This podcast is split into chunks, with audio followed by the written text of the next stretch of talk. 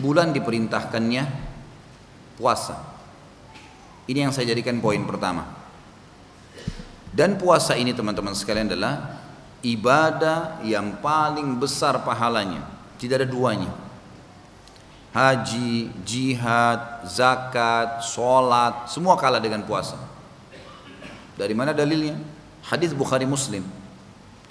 Kata Nabi Shallallahu Alaihi Wasallam, Allah berfirman, "Kullu amal kullu amal ibn Adam lahu al hasanatu bi ashri amthaliha ila sab'amiyya di'fin."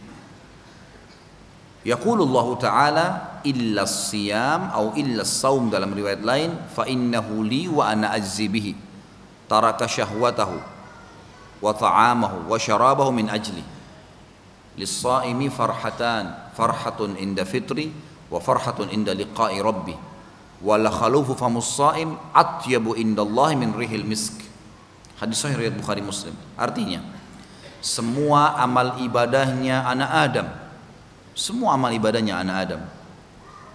Salat, zakat, jihad, haji, bakti sama orang tua sudah ditentukan kadar pahalanya. Itu makna tadabbur lah ya kalau Al-Quran itu.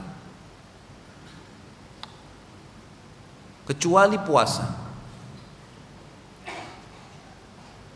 Maaf, semua amal anak Adam sudah ditentukan kadar pahalanya. Satu pahala bisa dilipat gandakan menjadi 10 kali lipat bahkan 700 kali lipat. Kecuali puasa kata Allah karena dia milik saya dan saya akan membalasnya langsung.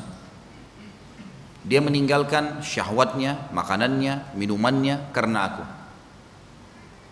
Orang yang puasa akan aku berikan kata Allah dua kegembiraan. Kegembiraan pada saat dia buka puasa, hilang dahaganya, hilang laparnya, dan juga kegembiraan pada saat bertemu dengan Tuhannya. Dan ketahuilah, bau mulutnya orang yang puasa lebih wangi di sisi Allah daripada bau kasturi. Hadis ini menjelaskan kepada kita kalau puasa adalah amal yang paling besar pahalanya. Dan di bulan Ramadan kita semua sedang ditraining oleh Sang Pencipta Allah yang Maha Mulia dan Maha Perkasa agar terbiasa dengan puasa ini. Coba dengarkan baik-baik beberapa statement dokter-dokter non-muslim. Cuma sayang saya nggak terlintas sekarang nama-nama mereka ya. Tapi mungkin kalau di, di Google pendapat fair, pendapat dokter-dokter non-muslim tentang puasa. Di antaranya pernah saya dapatkan beberapa statement mereka bilang umat Islam adalah umat manusia yang paling sehat di dunia. Karena mereka punya training puasa seminggu dua kali, ada Senin dan Kamis. Mereka punya training tiga hari setiap bulan, puasa Iyamul Bid 13, 14, 15 dan mereka punya training sebulan dalam satu tahun. Dan puasa ini dalam pandangan dokter alam medis ini adalah kesehatan. Karena manusia bisa mengontrol makanan dan minuman berhenti dari situ. Karena sumber penyakit dari makanan dan minuman berhenti diredam maka pada saat orang sedang puasa segala sesuatunya jadi terkontrol berhenti makan yang ada di dalam tubuh lagi diproses dengan antibodi tubuh untuk diselesaikan. Kalau dalam bentuk kotoran, bentuk penyakit itu bisa keluar dengan tidak adanya makanan baru. Karena sel-sel kita sibuk untuk menyelesaikan masalah yang ada dalam tubuh kita ini. Diperbaikin, itu puasa. Orang-orang non muslim pun tahu itu. Subhanallah pernah ada kejadian nyata teman-teman sekalian di Saudi. Satu orang kaya di Riyadh, kisah nyata. Setiap Ramadan nggak mau puasa. Kalau menjelang Ramadan berangkat sekeluarga, istri sama anaknya ke Eropa. Sengaja dengan udur musafir dia nggak puasa. Dan memang setelah balik pun dia sengaja berangkat Ramadan karena Ramadan di Saudi semuanya libur. Anak-anaknya pun dibawa, anak-anaknya pun tidak ada puasa. Berjalan kurang lebih 10 tahun seperti ini. Setelah 10 tahun Allah Azza wa Jal yang maha mulia dan maha tinggi mencoba dia. Ujiannya adalah kena penyakit di perutnya dia berobat sampai tiga tahun non-stop berangkat ke dokter spesialis yang paling terbaik di dunia dibayar sama dia. Dokter semua angkat tangan. Ini nggak tahu penyakit apa nih, nggak jelas. Kalau datang sakit perutnya, maka dia melingkar-lingkar kesakitan. Nggak bisa makan, nggak bisa tidur, nggak jelas penyakit apa. Minum obat, obat juga sangat canggih. Subhanallah, satu waktu di tahun ketiga, dia ketemu dengan satu orang dokter spesialis penyakit dalam di Jerman Dokter ini Katolik dan memang sudah lama mau masuk Islam. Dia sering baca Quran terjemahan dalam bahasa Jerman. Ketemu sama orang ini, dilihat semua dokter yang pernah ditemui seluruh dunia, ini dokter-dokter yang luar biasa, top ini. Resep-resep semuanya tidak kalah kualitasnya, semua obat-obat yang mahal, vitaminnya. Tiba-tiba dia sentuh dari sisi spiritualnya. Dia bilang, saran saya, saran saya, Anda berpuasa, kata dokter Katolik ini. Coba kontrol diri dari makanan dan minuman. Jangan makan, puasa coba. Dan jalankan puasa itu beberapa hari. Terus tiba-tiba dia bilang, bukankah anda seorang muslim? Dia bilang, iya saya muslim. Baik, kebetulan itu sudah dekat Ramadan. Dia bilang sebentar lagi ini setahu saya yang saya baca selama ini umat Islam punya puasa satu bulan.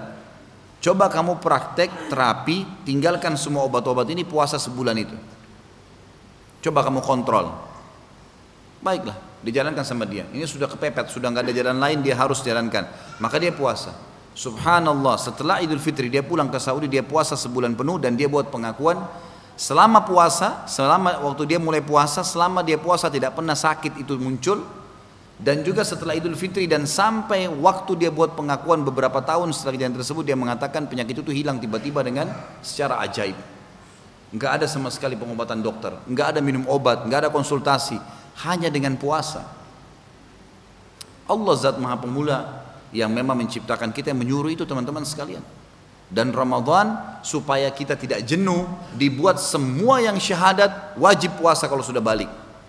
Jadi kita lihat, oh di sini puasa, oh ini puasa. Satu rumah kita semua puasa, satu sekolah kita teman-teman puasa, guru-guru pada semua, semua puasa nih. Kita ke Saudi orang puasa, kita ke Afrika orang puasa, kita ke Amerika orang puasa. Jadi mau tidak mau kita harus masuk dalam lingkar puasa itu. Target utamanya adalah seseorang di antara kita terbiasa berpuasa. Sayangnya, sayangnya, pas tiba Idul Fitri, banyak orang lisannya mengatakan Alhamdulillah, Alhamdulillah. Tapi Alhamdulillah ini bukan karena siap menerapkan ilmu training Ramadan. Alhamdulillah seperti lepas dari penjara ibadah. Alhamdulillah tidak lagi puasa. Alhamdulillah tidak lagi sholat terawih. Alhamdulillah tidak lagi mengaji. Masjid jadi kosong semuanya. Ya.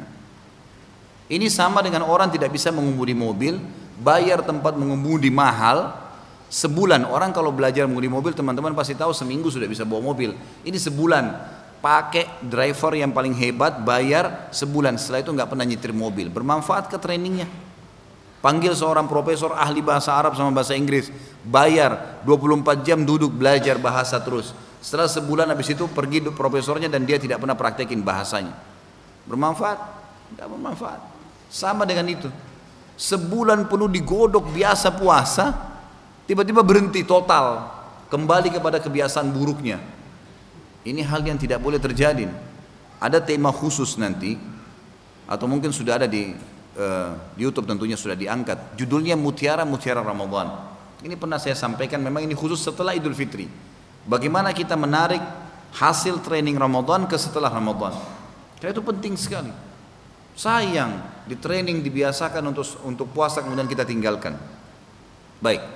Masalah puasa ini teman-teman sekalian, ada syaratnya untuk mendapatkan nilai plus. Selain pahala yang besar, ada nilai plusnya. Nilai plus pembersihan dosa. Ikutkan puasa itu dengan keimanan dan mengharapkan pahala. Imanan wahtisaba. Hadis Bukhari Muslim. Kata Nabi SAW, Man sama Ramadana imanan wahtisaba. Gufira ma taqaddam min dhanbi. Siapa yang berpuasa Ramadan diikuti dengan keimanan, yakin Allah perintahkan ini dan mengharapkan pahala-pahala yang dijanjikan, maka diampuni dosanya yang telah lalu. Dan ini perlu digarisbawahi ya, puncak ibadah seorang hamba, seorang mukmin kepada Allah yang maha mulia adalah kalau dia mengejar targetnya. Boleh nggak saya sholat malam supaya doa saya mustajab? Bukan cuma boleh, memang harus begitu. Karena memang Allah Nabi SAW menjanjikan Ya, kalau sepertiga malam Allah turun dan menerima menerima doa orang-orang yang berdoa. Berarti kita sedang mengejar target itu. Nah itu puncak ibadah. Boleh nggak saya bersedekah supaya saya tidak jadi dihukum oleh Allah? Nabi SAW yang mengatakan, as-sadaqatu tudfi'u ghadabur rahman. Sedekah bisa meredam murkahnya Allah. Abdullah bin Umar, Abdullah bin Abbas mengatakan doa anhum majma'in, kalau saya merasa ada kesalahan yang saya lakukan agar Allah tidak menghukum saya, maka saya keluar bersedekah memberikan orang-orang fakir miskin. Orang kalau kejar target itu, puncak ibadah di situ. Makanya kata Nabi SAW di sini, siapa yang puasa Ramadan diikuti dengan keimanan, yakin perintah Allah dan ihtisab, kejar targetnya, kejar target yang dijanjikan, pengampunan dosanya, maksimal pahalanya dan seterusnya, maka diampuni dosanya yang telah lalu. Teman-teman sekalian, dalam puasa hati-hati, jangan ada pelanggaran-pelanggaran agama.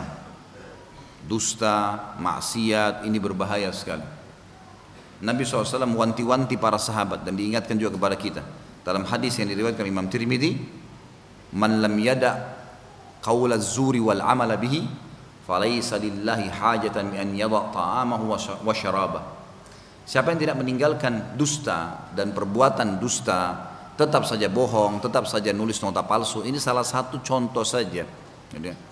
Maka Allah tidak punya hajat menilai lapar dan hausnya, nggak ada manfaatnya. Biar dia haus, biar dia lapar, tapi bohong, percuma. Dihapus pahala itu. Tidak ada manfaatnya. Puasa juga ini teman-teman sekalian wajib atau sunnah. Puncaknya tentu puasa Ramadan.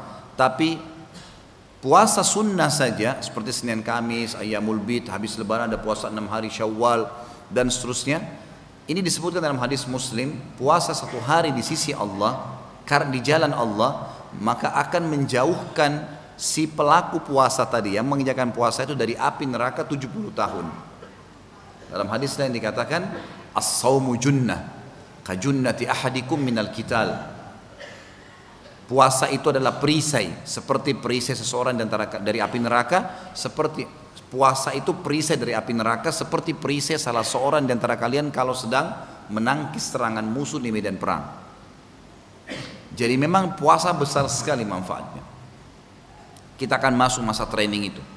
Jangan pernah teman-teman sekalian ada persepsi negatif atau sugesti negatif yang antum tanamkan dalam pikiran. Sugesti ini sama dengan niat sebenarnya. Niat itu dalam agama kalau bahasa sekarang bisa kita tarik sugesti sebenarnya. Orang kalau niat puasa, sugesti mau puasa gitu kan. Orang mau niat bangun malam, dia sugesti mau bangun malam. Ini sugesti ini bisa baik bisa buruk. Kalau kita larinya kepada baik, maka akan baik. Contoh begini. Banyak orang menanamkan sugesti negatif dengan puasa. Contoh, nanti kalau bulan Ramadan saya lemas nggak ya kalau puasa? Ini sekarang saya sahur satu piring, nanti jam 11 ini lapar nggak ya? Ini sekarang saya minum nih, ada orang sampai 7 gelas minum, 10 gelas minum, sampai penuh kembung perutnya. Sugesti dia yang dia tanamkan adalah nanti sebentar kalau saya nggak minum banyak haus. Padahal ini salah. Ini sugesti yang salah. Kalau antum niatnya benar, saya minum segelas air, bahkan tidak sahur pun. Sugestinya bisa sampai azan tahan, azan maghrib. Buang semua itu. Puasa membuat saya lemas. Lemas benar nanti. Padahal sebenarnya orang kalau sugestinya puasa ya nggak masalah. Malah lebih baik. Nggak ada lagi jadwal makan siang, nggak ada lagi jadwal habis-habisin waktu sia-sia. Bisa dipakai untuk yang lain lebih besar manfaatnya. Maka jangan ada persepsi negatif itu. Lemas, loyo, capek, nanti haus. Enggak, sugestinya jelas, tegas, saya bisa. Puasa. Jadi kita kirim dengan niat dalam hati, mengirim ke otak kita, otak mengirim sinyal ke seluruh tubuh. Puasa nih. Pasti bisa tahan dengan izin Allah SWT